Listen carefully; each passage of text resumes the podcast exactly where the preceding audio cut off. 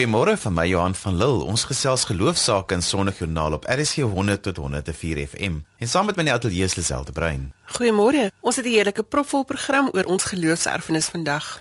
Jy kan natuurlik saamgesels by 3343 teen R1.50 per SMS. Jy kan ook vir ons tweet by Sondagjoernaal of jy kan vir ons 'n boodskap op Sondagjoernaal se Facebook bladsy los. September is erfenismaand en soos ek reeds genoem het, gesels ons vanoggend oor ons geloofserfenis. Ons het verskeie professore van die Universiteit van Stellenbosch baie vroeg wakker vanoggend. Ons gaste is Pieter Koortsen, Anton van Niekerk en Robert Vosloo. En in ons gemeenskapsnuus vertel Johan Marie ook vir ons van 'n erfenisfees en Dominee Elsa Meyer vertel van 'n nuwe inisiatief vir Suid-Afrikaanse vroue.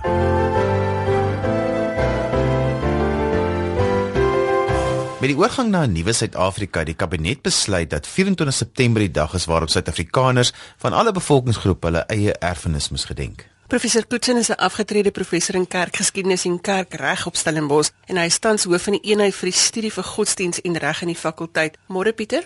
Goeiemôre Lisel, baie dankie. Professor, ons gesels vandag so 'n bietjie oor erfenis. Dis 'n moeilike term in die beskerming van ons erfenis of van ons nalatenskap. Ons wil vra hier iemand vanoggend vir ons fokus op die Franse Hugenote. So kan jy vir my sê wie was die Franse Hugenote en wat was hulle geloof?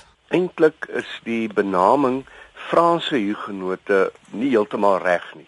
Daar was nie ander Hugenote as die Hugenote wat uit Frankryk uitgekom het nie. En hulle was in Frankryk uh in die 15de en 16de eeu was en ook in die 17de eeu was hulle lidmate van die Franse Gereformeerde Kerk. Dit is 'n kerk wat so teen ongeveer 1555 uh in Frankryk tot stand gekom het as gevolg van die invloed van Johannes Calvin uit Genève uit. Baie interessant, Calvin was dus eintlik self ook 'n Hugenoot en hy het meegewerk om hierdie gereformeerde kerk in Frankryk tot stand te bring.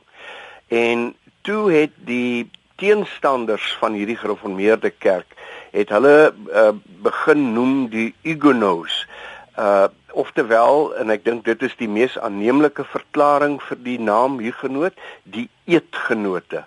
Mense wat saamgestaan het rondom 'n bepaalde in hierdie geval geloofs-oortuiging. Is dit dan reg dat ons sê ons het ons geloof in die Franse Hugenote gekry? Het Jan van Riebeeck nie ook iets daarmee te doen gehad nie? Ja, natuurlik. Uh, ons het dit nie net van die Franse Hugenote gekry nie, ons gereformeerde geloof nie. Ons het dit primêr uit Nederland uitgekry toe die uh Nederlandse Oos-Indiese Kompanjie besluit het om in 1652 'n uh, verversingsstasie aan die Kaap te begin en ook daarmee saam die reg tot die verbreiding van die gereformeerde geloof uh bevestig het. En daardie gereformeerde geloof was die geloof soos dit in Nederland gefunksioneer het met die Nederlandse geloofsbelijdenis, die Dordtse leerreëls en die Heidelbergse katekismes as fundamentele geloofsdokumente.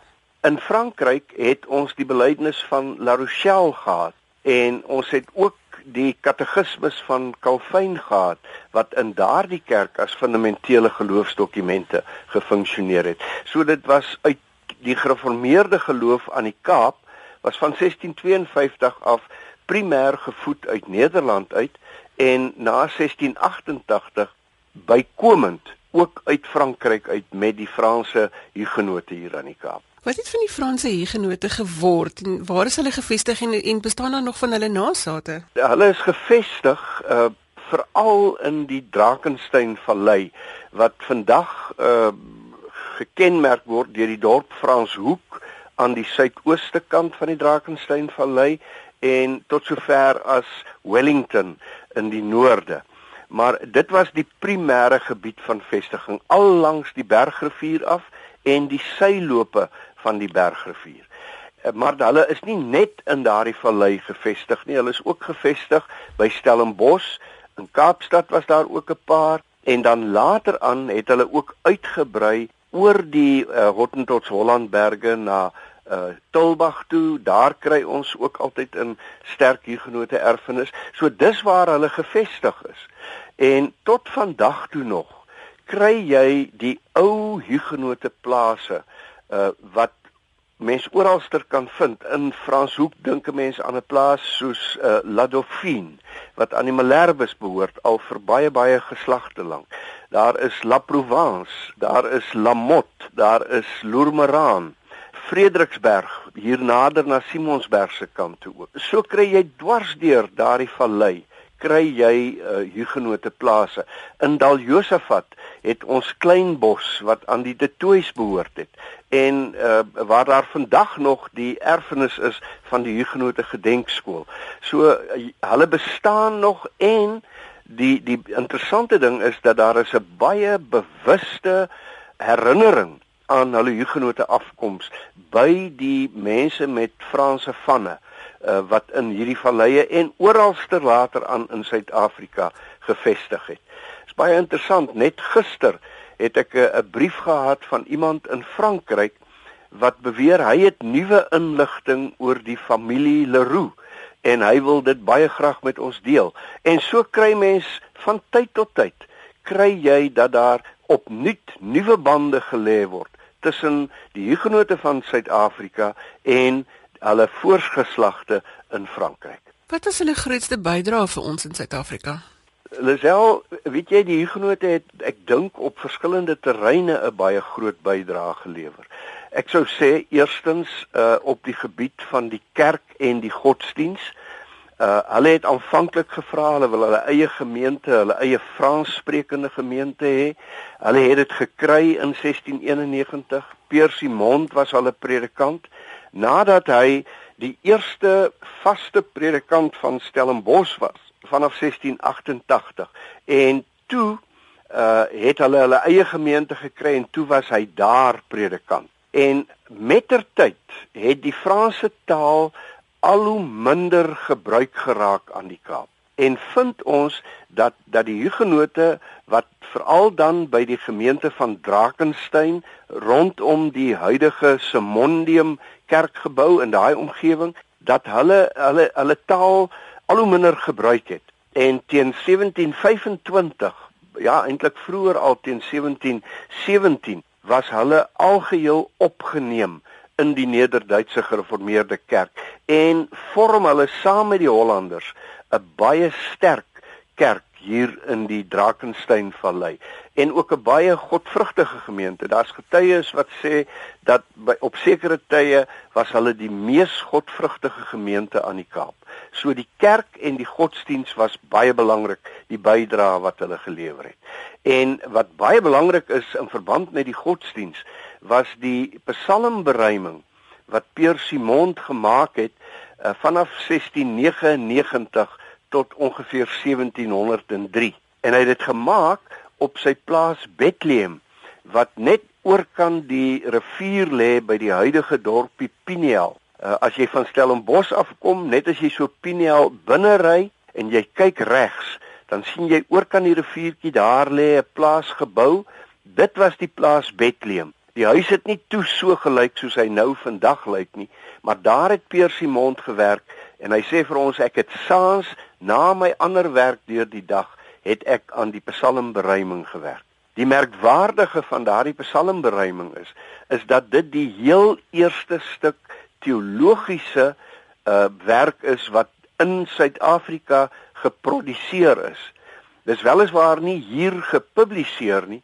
Dit is in Amsterdam gepubliseer en op 'n 'n pragtige verhaal oor hoe dat ons uiteindelik hier in 2004 2006 uh die die herk daai werk ontdek het in die staatsbiblioteek in Sint Petersburg in Rusland. Dis 'n baie interessante verhaal, maar hierdie bydrae was baie belangrik. Dan het hulle ook 'n belangrike bydrae gelewer op die landbougebied. Hulle het begin om te boer. Hulle het ons weet hulle het wat lemoene geplant, hulle het koring geplant en dan natuurlik die wingerde. En heel gou weet ons van hulle dat hulle 'n uh, groot lappe wingerd aangelê het en baie lers wyn geproduseer het. So daar is 'n groot bydrae. En dan hulle algemene kulturele bydrae. Dit het uh, miskien nie altyd so in die tyd van die onmiddellike hugenote van 1688 na vore gekom nie, maar in die 18de eeu, 19de eeu weet ons dat dit veral hugenote nasate was wat 'n geweldige bydrae gelewer het in die uh, formele totstandkoming van Afrikaans, die vertaling van die Bybel, die die daarstel van 'n uh, uh, geskrifte. 'n Vierde baie belangrike bydrae van die Hugenote is die feit dat hulle godsdienstvryheid na Suid-Afrika toe gebring het en dat dit vir hulle 'n baie kosbare besitting is. Ons het in 'n brief van die Drakensbergse Kerkraad uit 1717 geskryf deur Hugenote nasate die bewys waarin hulle sê godsdienstvryheid is die belangrikste ding wat 'n mens kan hê en dat hulle dankbaar is dat hulle hier in Suid-Afrika hulle godsdiens in vryheid kan uitleef. En vir ons in Suid-Afrika is dit 'n geweldige sterk en belangrike erfenis van die Hugenote. Professor, dit voel vir my ons kan die hele oggend net hieroor gesels. Baie dankie dat u vir ons hierdie al hierdie interessante feite deurgegee het en baie dankie dat u vanoggend saam met ons gekuier het. Dankie Lisel, dit was 'n vreugde.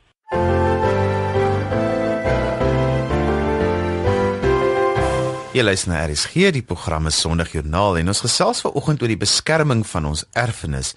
As jy op RSG se webwerf gaan kyk by rsg.co.za, sal jy 'n potgooi van hierdie gesprek kan aflaai op jou rekenaar. Die Snyman broers, Christo Kobus en Stefan het in 2006 as die broers begin sing en vanoggend luister ons na Ek sal daar wees van hulle gospelalbum Voetspore 2.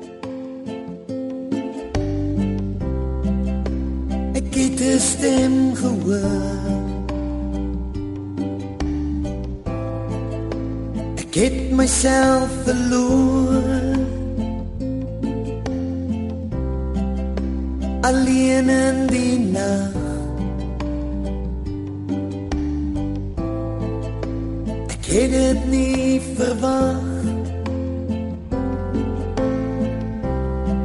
Ek het 'n boodskap gekry. Wat my hart wil kom lei. Ek was bang en alleen. Daar was vrees om my heen. Geluk klop aan my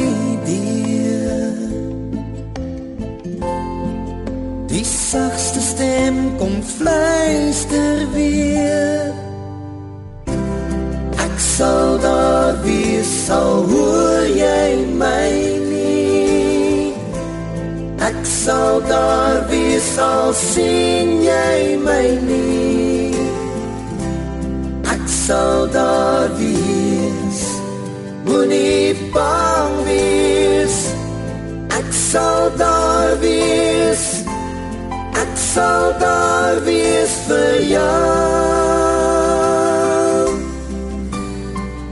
Ek sal daar wees vir jou. Ek sal daar wees vir jou. Die waarheid maak soms seer. Maar ek weet dit moet gebeur opdrag is gegee. Wat my trane sal wegvee. Ek weet wat ek moet doen. Om met vrede te versoen. Vrees het verdwyn so kal die pyn geluk klop aan my deur die sagste stem kom fluister weer ek sal daar wees sal hoor jy my nie. Ek sal daar wees sal sien jy my nie? Ek sal daar wees. Moenie bang wees. Ek sal daar wees. Ek sal daar wees vir jou. Ek sal daar wees vir jou.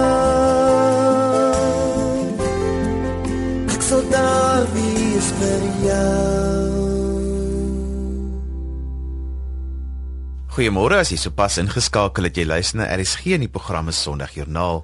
Al die inligting van vandag se program is beskikbaar op RSG se webwerf by rsg.co.za en jy kan natuurlik ook van enige plek in die wêreld inskakel op die webwerf. September is erfenismaand en vanoggend is die vraag: hoe kan ons verseker dat ons ons erfenis van ons geloof beskerm? Professor Anton van Niekerk is van die Sentrum van Toegepaste Etiek by die Departement Filosofie op Stellenbosch en sluit vanoggend by ons aan. Goeiemôre Anton. Môre self. Anton, erfenis is inherënt deel van ons menswees, nê? Nee? Dit is so. Mense uh, laat dinge vir mekaar na. Dit is nie eintlik so by diere nie. Diere, jy weet, werk instinktief. Mense sou kon sê dat sekere diere bou 'n dam in 'n rivier en so meer, maar hulle doen dit nie omdat hulle dit geleer het by hulle ouers nie. Hulle leer dit omdat hulle dit instinktief doen. Ons is skeppers van kultuur.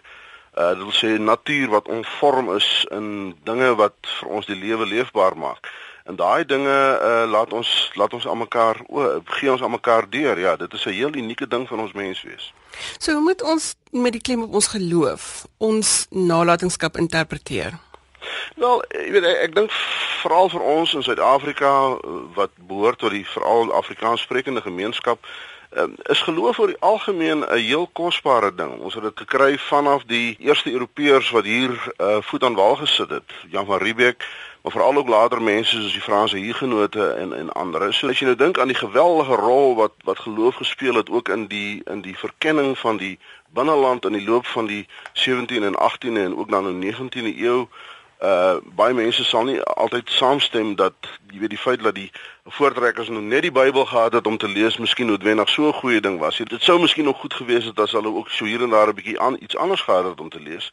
Maar uh, ons kan dit nie ontken nie. Dit is 'n uh, dis 'n wesenlike deel van van ons erfenis en uh, uh, iets wat ek dink uh, die moeite werd is om om om te beskerm mits dit natuurlik uh, reg verstaan word. En ek dink daaroor kan ons miskien 'n bietjie later meer gesels. En nalatenskap het ook twee kante, nê? Nee, Daar's 'n negatiewe kant en 'n positiewe kant. Dis nie alles net positief nie sonder enige twyfel uh Lisel uh dinge wat 'n mens erf is natuurlik uh, aan die een kant is dit so dat dinge wat jy erf is nie goed wat jy self geskep het nie wat jy self gemaak het nie ons het die ou in Afrikaans die uitdrukking wat sê mens moet ook daarom nie 'n gegeewe perd in die bek kyk nie nê nee, in 'n sekere sin is dit wat jy erf nie iets wat dit wat jy self bepaal nie maar aan die ander kant is dit ook so dat daar nie van ons verwag kan word om totaal en al onkrities om te gaan veral met met erflatings van 'n meer geestelike karakter soos ons ons Christelike geloof nie. Ons het wonderlike dinge van ons voorouers in terme van ons verstaan van die evangelie en van God se genade en so meer geërf. Maar daar is ook baie dinge wat in die geskiedenis van die kerk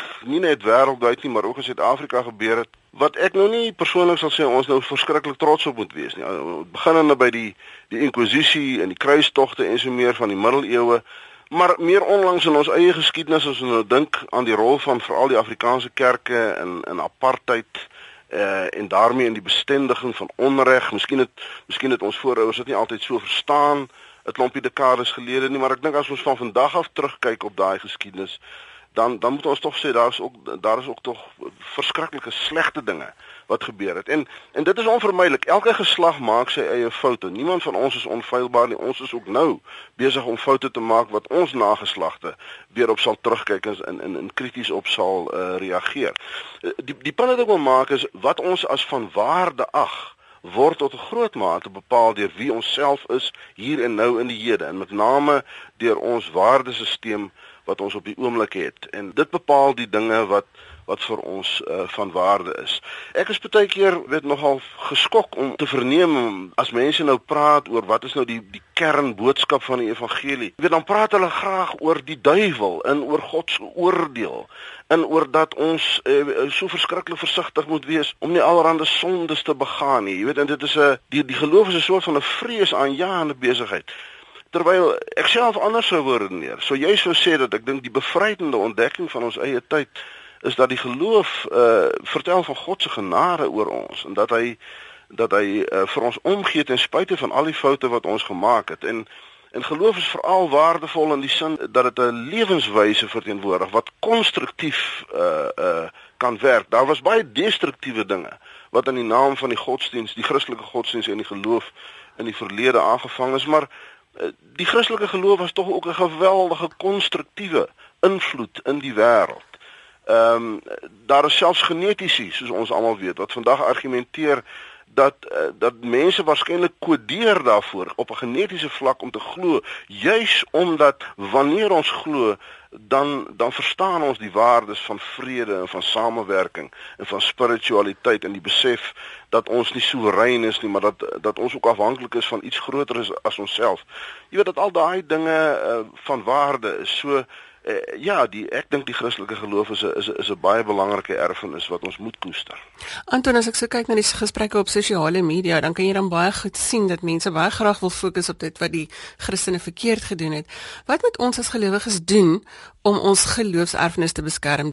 Wel, ek ek dink ons moet uh, in die eerste plek opnuut krities omgaan met ons bronne. Daar word 'n mooi verhaal van die die Switserse Duitse teoloog Karl Barth vertel uh jy weet toe die dinge begin warm raak het hier in Duitsland in die nazi tyd en hy self ook uitgewyk het Switserland en sy studente vir hom op 'n stadium toe hy hulle sou verlaat gevra het maar wat doen ons nou? Jy weet in hierdie krisisuur van die Duitse kerk toe Bart gesê ek het vir julle drie antwoorde. Daai drie antwoorde is doen eksegese doen eksegese doen eksegese dis die drie antwoorde. Daarmee bedoel hy gaan lees weer die Bybel nê gaan lees weer die Bybel maar gaan lees hom met 'n oop gemoed, gaan lees hom krities, gaan lees hom in gesprek met ander skrywers in ons eie kultuur tydvak en ontdek opnuut weer die kernwaarde van die van die Bybel, die die die verhaal van 'n God wat ons nie oorgelaat het aan onsself ten spyte van al ons tekortkominge nie, maar wat juis soos een van die psalms sê ons voete op 'n rots gesit het en wat vir ons uh die die vryheid skenk wat ons deel geword het deur die verlossingswerk van Christus, die vryheid om vir mekaar te leef, om vir mekaar beskikbaar te wees, né? Dink net maar aan daai eerste pragtige vraag van die Heidelbergse Katekismus, wat is ons enigste troos in lewe en in sterwe? En dan kom die Katekismus met daai fantastiese antwoord wat sê die ons enigste troos is dat ek in lewe en in sterwe uh, wat my omstandighede ook nou al mag wees, nie aan myself behoort nie, maar aan my getroue saligmaker Jesus Christus. En en dit is nie net dis nie net 'n uh, wat my aanbetref, jy weet 'n mooi vroom woordjies oor 'n mens se innerlike geloofsbelewing nie. Dit sê dit ons is vrygemaak in die Christelike geloof om werklik vir die wêreld iets te beteken, om 'n om om 'n 'n skynende lamp te wees, nee, 'n lamp wat 'n mens nie onder 'n mate immer verberg nie maar wat uh, in die idioom van die bergrede wanneer iemand 1 myl van jou afdwing 2 myl met hom saam te stap om om werklik die wet uit te voer nie as 'n manier om onsself te vrywaar teen God se straf en se oordeel nie maar juis die wet so te verstaan dat ons leef ter wille van die naaste nê ook na aanleiding van daai pragtige gelykenis van die van die barmhartige Samaritaan wat ek persoonlik dink die kern van Jesus se prediking is Anton, altyd 'n voorreg om saam met jou te kuier. Baie dankie dat jy vanoggend saam met ons gekuier het. Baie dankie, dit was heerlik. Selfe beste vir jou. Dit is professor Anton van die Kerk van die Sentrum van Toegepaste Etiek by die Departement Filosofie op Stellenbosch en hy het vir ons verduidelik oor ons Christelike erfenis.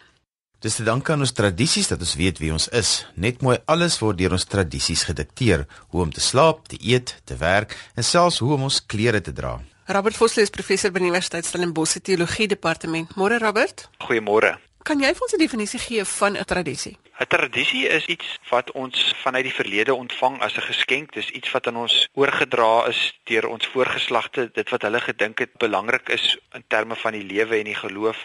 Uh so belangrik dat uh, dit is die eintlike goed wat uh, mense moet aan vashou vir hulle lewe. Hoe moet ons na ons geloofstradisies kyk as gelowiges? Ek dink dit is nogal belangrik dat 'n mens aan jou tradisie moet dink as 'n lewende tradisie. Ek ek hou nogal van die onderskeid wat 'n teoloog gemaak het tussen tradisie en tradisionalisme. Hy het gepraat van tradisie as die lewende geloof van die dooies en na tradisionalisme verwys as die dooie geloof van die lewendes. En ek, dink hierdie onderskeid is is belangrik dat ons nie dink aan ons tradisie in die sin van tradisionalisme as maar net blote gebruike uh iets wat ons maar net doen omdat die mense voor ons dit gedoen het nie, maar dat ons uh, aan ons geloof ook dink as 'n lewende tradisie, iets wat samehang met die lewende God wat vandag nog handelend betrokke is in ons lewe, in ons kerk en in die wêreld. So is dit oukei okay as ons ons eie tradisies skep en dat ons miskien vorige tradisies bevraagteken? Ek dink uh, nogal dit behoort tot die hart van 'n lewende tradisie dat 'n mens gedurig deur krities met jou eie tradisie in gesprek tree. Dit beteken nie dat mense nie respek het vir jou tradisie nie, maar dalk juis omdat jy respek het vir jou tradisie, is 'n mens half opnuut die heeltyd aan die soek na wat lê in die hart van jou tradisie en probeer 'n mens half 'n nuwe verstaan daarvan gee in die lig van die uitdagings van mense eie tyd. En ek dink dit is juis hoe 'n tradisie veerkragtig bly as gelowiges die heeltyd worstel met wat behoort tot die hart van ons tradisie. Watse filter moet ons opsit om te weet watter tradisies om te behou? Wat is belangrik as dit by tradisies kom? Ek dink dit is belangrik dat ons sal in ag neem dat ons tradisie moet in diens staan van die lewe eh, dat dit nie gemeenskap moet verbreek nie, dat dit nie mense moet seermaak, dat dit moet samehang met geregtigheid. En, en ek dink dit is altyd nog 'n versoeking vir die kerk ook, jy weet, dat 'n mens dit in gedagte moet hou en dat 'n mens moet weet dat ons vier baie tradisies, ons het baie gebruike, maar dit mens baie keer ook moet besef dat dit wat vir jou belangrik is, is dalk vir iemand anders iets wat vir hulle 'n seerplek verteenwoordig. En dat 'n mens ook op daai manier sal verstaan dat jou identiteit lei tot sekere gebruike, maar dat almal nie dit noodwendig deel nie en dat 'n mens ook daardie sensitiwiteit moet hê. Dink jy mense stel nog belang in die verlede en ou tradisies? Daar is natuurlik 'n versoeking om te sê maar die verlede is nie belangrik nie dat ons die verlede eerder moet vergeet want mens moet nie in die verlede leef nie jy moet uit die verlede leef ek dink uh, mens moet hierdie aksent in gedagte hou maar ek dink daar's waarde in die gedagte dat die dat die verlede is eintlik nog lewendig. Dit is steeds by ons teenwoordig. Ek dink dit was William Faulkner wat gesê het the past is not dead, it is not even past. En en ek dink eh, dit moet ons uh, in gedagte hou dat die verlede speel mee in die hede en ek dink daarom moet ons verstaan dat die verlede is eintlik 'n wonderlike bron wat ons het wat vir ons kan help om kreatief en getrou in die hede te leef en dat ons nie ons moet afsny van hierdie wonderlike skat nie. En dat so ook in die kerk het baie van die vernuwinge, uh, ook die vernuwinge in die teologie het het juis dikwels gekom as mense juis teruggekyk het in die verlede en dan daar dinge ontdek het en dit op 'n nuwe manier op hulle huidige situasies toegepas het. Jy het nou genoem dat ons moet sensitief wees dat jou tradisie dalk vir ander mense 'n seer kan beteken. Het jy vir ons raad hoe om sensitief te wees teenoor mense met ander tradisies as ons? Mense kan nie debat voer sonder om vir mekaar kwaad te word nie. Ja, ek dink juist as 'n mens juis goeie kennis, 'n uh, goeie verstaan van wat lê in die hart van jou eie tradisie. Is 'n mens minder bedreig en is 'n mens uh, meer oop om ook by ander tradisies te leer. En ek dink uh, iets van die feit dat jy vir ander mense ook vreemd is, moet eintlik 'n mens se lewe uh, stempel dat jy amper verstaan dat net soos wat ander se gebruike en tradisies vir jou dalk nie bekend is of vreemd nie, is ook jou gebruike en tradisies vir ander weer vreemd en uh, dat ons daarom eintlik moet ook oop wees vir die gedagte om in ons gesprek met mense van ander tradisies juist te soek ook na raakpunte en amper 'n stuk gedeelde geskiedenis omdat dit dan 'n fondament is waarop ons kan bou ook in ons saamleef binne gedeelde kontekste. Robert baie dankie dat jy vanoggend saam met ons gekuier het. Dit was 'n plesier. Dit was professor Robert Vosloo van die departement teologie op Stellenbosch en ek dink wat ons vandag vir mekaar sê is dat ons moet respek hê vir mekaar se tradisies, dat ons ons erfenis moet vier en dat ons sensitief moet wees vir die mense rondom ons.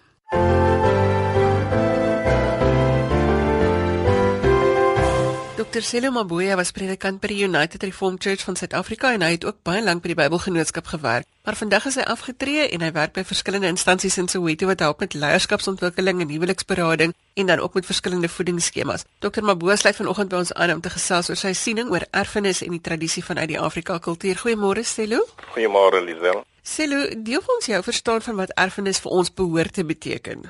Die erfenis is eintlik die nalatiging wat die die mense, die voorouers vir hulle nageslag oorgee deur wat hulle gelewe het of voorgelewe het. Dit het te doen met die wyse van hulle lewens destyds wat eintlik invloed het op die huidige toestand of huidige mense. Met ander woorde, wat ons voorouers gedoen het, dit doen tot 'n mate en dit beïnvloed ons huidig en ook ons toekoms want ons leer ook ons kinders daaruit. Sien ons het nou vroeër in die program daaroor gesels om te sê my erfenis gaan dalk anders lyk as jou erfenis, maar tog moet ons saam in hierdie land leef en 'n gesamentlike erfenis kry. Dit is so, weet u wat ons heidig eintlik belewe is dat mense van Afrika soos u in die geskiedenis van ons land Ons het ons het geleer as die mense van Afrika drie dinge wat ek kan noem: respek,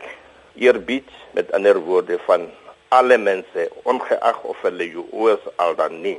Ons het ook iets geleer of geërf van Ubuntu, betekenende die erkenning en menswesigheid teenoor ander mense, ongeag of jy vir hulle ken of nie of Jonasi al dan nie. Ons het ook geleer van ons mense in Afrika verantwoording. Met ander woorde, as groot mense met 'n kind praat, dan doen die jongere wat die oor vir hulle sê, omdat hulle glo aan hulle as hulle ouers, maar ook dat hulle glo dat die ouer mens hulle nie sal verlei nie. Hulle maak stad daarop. Om dit saam te vat is maar meestal die die woord ubuntu behels alles want dit sluit in ook verantwoordelikheid en natuurlik ook medemenslikheid in die samelewing. Selo, hoe belangrik is tradisie vir die Afrika kultuur? 'n Volk wat 'n tradisie het, het iets om na te verwys. Ons bou op die tradisie wat ons geleer het van uit ons ouerige mense. En die huidige dae, mense wat hulle tradisie weggesmy het, het nie 'n aanhangsel om op te staan as 'n volk nie want uh, hulle hulle neem dinge wat hulle op die straat as 'n mens dit kan so stel neem en dan maak hulle dit as iets wat vir hulle sal opbou as 'n nasie. Terwyl tradisies is maar die die gewoontes, dis die manier van lewe, dit is die aanvaarbare standaard as as jy wil van die menslike lewe wat deur 'n volk aanvaar word. So, en daardie ser vorm dit wat die gesamentlikheid die society neem as as 'n standaard of as 'n merk van 'n gesonde lewe. So dit is in daardie sin eh, baie belangrik vir die nasies om dan die tradisies te respekteer of te behou. So ons kan elkeen ons eie tradisie hê, maar ons kan 'n gesamentlike erfenis vier, juis omdat ons miskien van mekaar verskil. Natuurlik, veral in Suid-Afrika ons is 'n rainbow nasie. Elkeen het sy eie tradisie, maar daardie tradisie is nie daar om vir ons mekaar teen te, te laat stamp nie. Es jy's daar so laat ons dit sal waardeer want ons lewe in een land en ons besef ons is alle mense, ons almal is van ons is mense voor die Here. Ons is as jy wil broers en susters in hierdie land en daarom teenoor mekaar te respekteer en sy tradisie te respekteer kan ons nou gesamentlik en ek dink ons lewe lekker in die land. Daar's nog verskillende dinge maar in die geheel ons lewe in 'n land wat verskillende mense en tradisies het, maar wat ook saamgaan as 'n voorbeeld in die res van die land. En ons onderstreep dan sê hulle dat respek die belangrike onderstreepte woord is. Respek en natuur en menswaardigheid teenoor mekaar. Jy kan nie 'n mens wat jy nie respekteer goed behandel nie. Eh as ek iemand anders ter laer sien dan sal ek hom nie die is nie op my eie vlak nie dan dan dat's nie respek nie. So respek is maar baie belangrik en dit dring vir jou om dan goed te doen eh vir die ander mense net soos wat jy van hulle verwag. Jy kan vra, jy kan vir hulle raad vra. Jy sien hulle nie as minderwaardig as dit ware nie. Jy sien hulle as jou gelyke as broers. So Ubuntu is eintlik die beste woord want dit behels respek, verantwoordelikheid en meegevoel. Dit is baie belangrik vir ons mense. Johan Marie is 'n ingenieur in Stellenbosch en hy sluit vanoggend by ons aan om te vertel van die Stellenbosch erfenisvieringe wat die 24 September gehou word. Môre Johan. Goeiemôre Johan. Johan, julle is 'n goeie voorbeeld van hoe gemeenskappe bymekaar kom om 'n verskil te maak en ons dink dit is belangrik dat ander geloofsgemeenskappe regter die land hoor hoe julle dit die afgelope 4 jaar doen. Hoe lyk hierdie 4 jaar pad wat julle gestap het om erfenis te vier? Johan, dit het begin in 2011 met snaaks genoeg inisiatief wat van die voetrekkerbeweging gekom het wat hulle 80ste verjaarsdag wou vier en dit op 'n inklusiewe manier wou doen met ander woorde saam met die res van Stellenbosch. En hulle het gemik om dit te wil doen op die 24ste September Erfenisdag. En vroeg in die jaar het een of twee mense en toe later al hoe meer begin 'n gesprek tree wat uitgeloop het daarop dat ons in Julie maand van daai jaar 'n samekoms gereël het waar daar so wat 30 verteenwoordigers van al die gemeenskappe in Stellenbosch teenwoordig was. En by daai geleentheid het 'n wonderlike ding gebeur. Die hele gedagte van erfenisdag gebruik het in die eerste plek mense spontaan aan dink aan die ou wit geboue en historiese plekke, maar die uitkoms van daai gesprek was om liewers en eerder te kyk na toekomstige erfenis om verstellenbosse erfenis te ontwikkel wat ons ons kinders kan nalaat of 'n kultuur te ontwikkel wat ons as erfenis aan ons kinders kan nalaat. 'n Stellenbos waar almal welkom en tuis en met volle vertroue in mekaar kan saam woon, saam leef, saam werk. En dit is maar die pad wat ons toe gevolg het is om dinge te probeer identifiseer waardeur ons in die eerste plek mekaar se kulture beter kan leer ken en waardeer en dan ook terselfdertyd deur dit te doen vertroue te skep om met mekaar te kan saamwerk. En dit het eintlik gestalte begin vorm deur dat ons daadwerklike aksies begin beplan het vir erfenisdag wat eintlik die geleentheid geskep het om mekaar beter te leer ken. So wanneer vind hierdie geleentheid van julle plaas is alles rondom erfenisdag, nê? Nee? Ja, in 2011 was dit net op die een dag, erfenisdag self. In 2012 het dit al 'n bietjie begin uitkring want daar het 'n hele paar ander aktiwiteite bygekom. 2013 was baie dieselfde, ook maar net weer meer uitgebrei en vir jaar veral.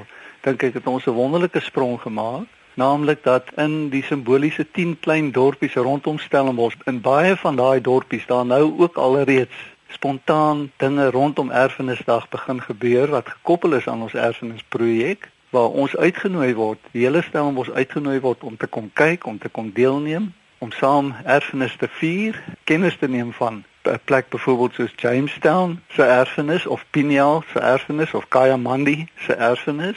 En terselfdertyd ook sentraal in die dorp bied ons 'n uh, wat ons noem die rivierfees aan. Dit vind plaas op die walle van die Eerste rivier in die middedorp En dis 'n geleentheid waar alle Stellenbosch is en vir baie van hulle vir die eerste keer op die walle van die Eerste Rivier mekaar ontmoet en die dag saam geniet met 'n wonderlike program wat ons daar reël. Julle het ook 'n koorfees wat julle elke jaar aanbied. Ek dink dit is waarskynlik die vertoonvenster van uh, wat ons besig is om te bereik op Stellenbosch. Naamlik dat die verskillende skole en daar's 'n groot aantal laer en hoërskole in ons groter Stellenbosch omgewing wat begin om saam op te tree, saam te oefen, saam op te tree en dan op een spesifieke aand 'n koorfees aan te bied waar ouers en kinders saam die vreugde het om bymekaar te kan wees en deel te wees van 'n groot groep skoolkinders wat dus uit verteenwoordiging van al ons gemeenskappe die aand optree. Sluit die aand gewoonlik af met 'n massa koor van al die skoolkinders wat dan saam ons volkslied sing en dan as 'n uh, applous sluit die gehoor aan en en sing dit ook saam. Johan, maar wanneer mens so 'n kultuurfees reël en rondom Erfenisdag, alles kan nie net maklik en lekker wees nie, nê? Nee. Daar's 'n hele paar baie interessante lesse wat ons geleer het. Die eerste een is dis die besef dat na jou eie erfenis en vir elkeen van ons in ons eie kultuurgemeenskap is daai erfenis absoluut kosbaar. Maar Langs daardie eie erfenis is daar ook plek vir 'n gemeenskaplike erfenis. En die een verplaas nie die ander nie, die een is eintlik deel van die ander. So ek dink vir baie van ons het dit gehelp om te besef, maar om te praat van 'n gesamentlike erfenis bedreig nie ons eie erfenis nie.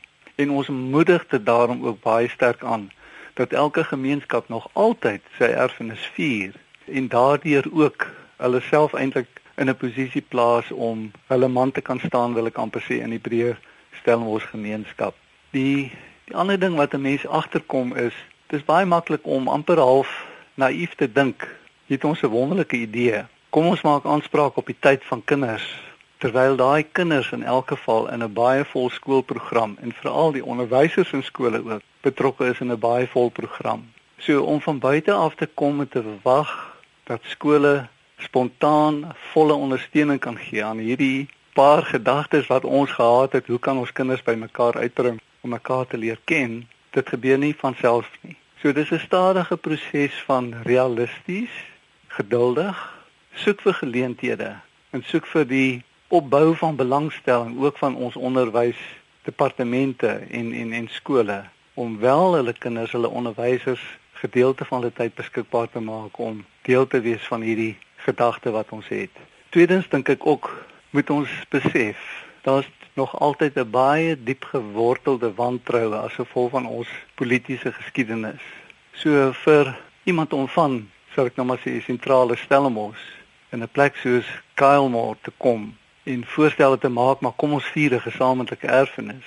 Is nie so maklik as wat dit klink nie, want daar kan dalk agterdog wees nou maar hoekom nou? Hoekom kom hierdie mense nou uit die middedorp uit en wil hier met ons kom dinge doen? So ek dink 'n mens moet baie baie sensitief wees en baie bewus wees daarvan dat daar vir 'n sekere gedeelte van ons bevolking nog baie diep gewortelde seer en hartseer is rondom wat in werklikheid deel is van hulle erfenis. Wat wel waar is is dit vir ons jonger geslagte, die kinders, die jong mense is dit al reeds baie makliker en 'n mens moet ook versigtig wees dat jy die spontaniteit wat daar uitkom nie onderdruk deur hierdie allerlei besware van hierdie seer uit die verlede nie. So dis 'n ongelooflike fyn sensitiewe balans tussen die realiteite van die verlede, maar daarteenoor die hoop op die toekoms.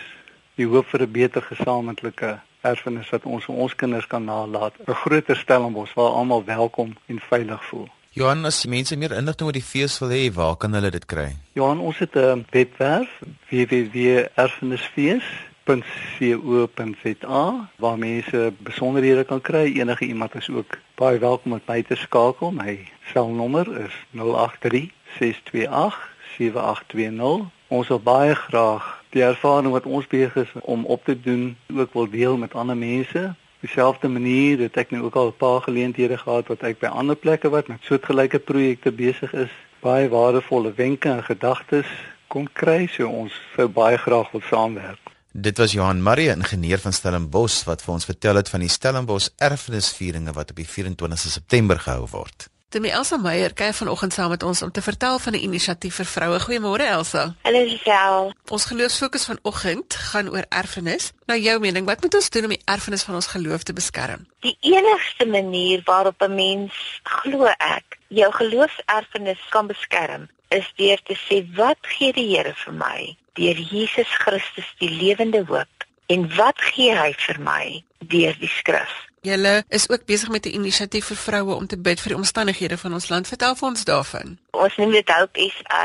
Ons glo dat ons het die lewende hoop Jesus Christus binne in ons en as gevolg daarvan kan ons oral waar ons kom mense wees wat lewende hoop bring. Ons dra eintlik in beginsel as gelowiges dra ons die strategie van lewe wat God vir die wêreld wil gee binne in ons. En kan ons elke keer wanneer ons met iemand in kontak kom kan ons 'n daad van hoop aan daardie persoon betoon. Kan ons 'n woord van hoop met daardie persoon praat. Kan ons 'n glimlag van hoop aan daardie persoon oordra. So wat ons doen is om vroue wat inherënt lewegewers is van alle ouderdomme en alle generasies, alle rasse en tale en kulture op te roep, kom word almal draers van hoop. Word mense wat oral waar jy kom, iemand in die oë kyk en net 'n gedagte of 'n woord wat vir daardie persoon sal bewys dat jy wat die draer van lewende hoop is nie vir Jesus weggesteek het toe jy nou wil hom of haar was nie. Partymal is dit so klein soos betaal 'n lekker goed vir 'n kind wat agter my staan. Partymal is dit so groot soos dat ek 'n hele oggend afstaan om iemand te bel. Wanneer word Hope South Africa geloods? Op die 18de Oktober hierdie jaar by Beulah Park in Kenton Park gaan ons Hope SA loods en ons nooi vroue van oral oor om by ons aan te sluit en oggend en middag van feesviering en hoop dra en hoop ontvang met ons te deel. En as hulle wil inligting hê voordat hulle kaartjies bespreek, Elsa, waar kan hulle daardie inligting kry? Enige een kan ons skakel by 012 997 5601. Elsa, baie dankie dat jy vanoggend saam met ons gekuier het. Baie dankie, dit was heerlik om weer met jou te gesels. En daarmee is ons kuier so te sê op 'n einde. Laaste woord van Janie Leroux, ons inspirasieman. Mens besef eers hoe waardevol iets is as jy dit verloor. Al kan die versekerings jou weer help om 'n nuwe trouring te koop as hy aan een weg is, gaan geen nuwe ring weer dieselfde wees nie. Dis nie soos daai spesiale eerste ene nie. Ons geloof in God is baie meer waardevol as 'n eerste trouring.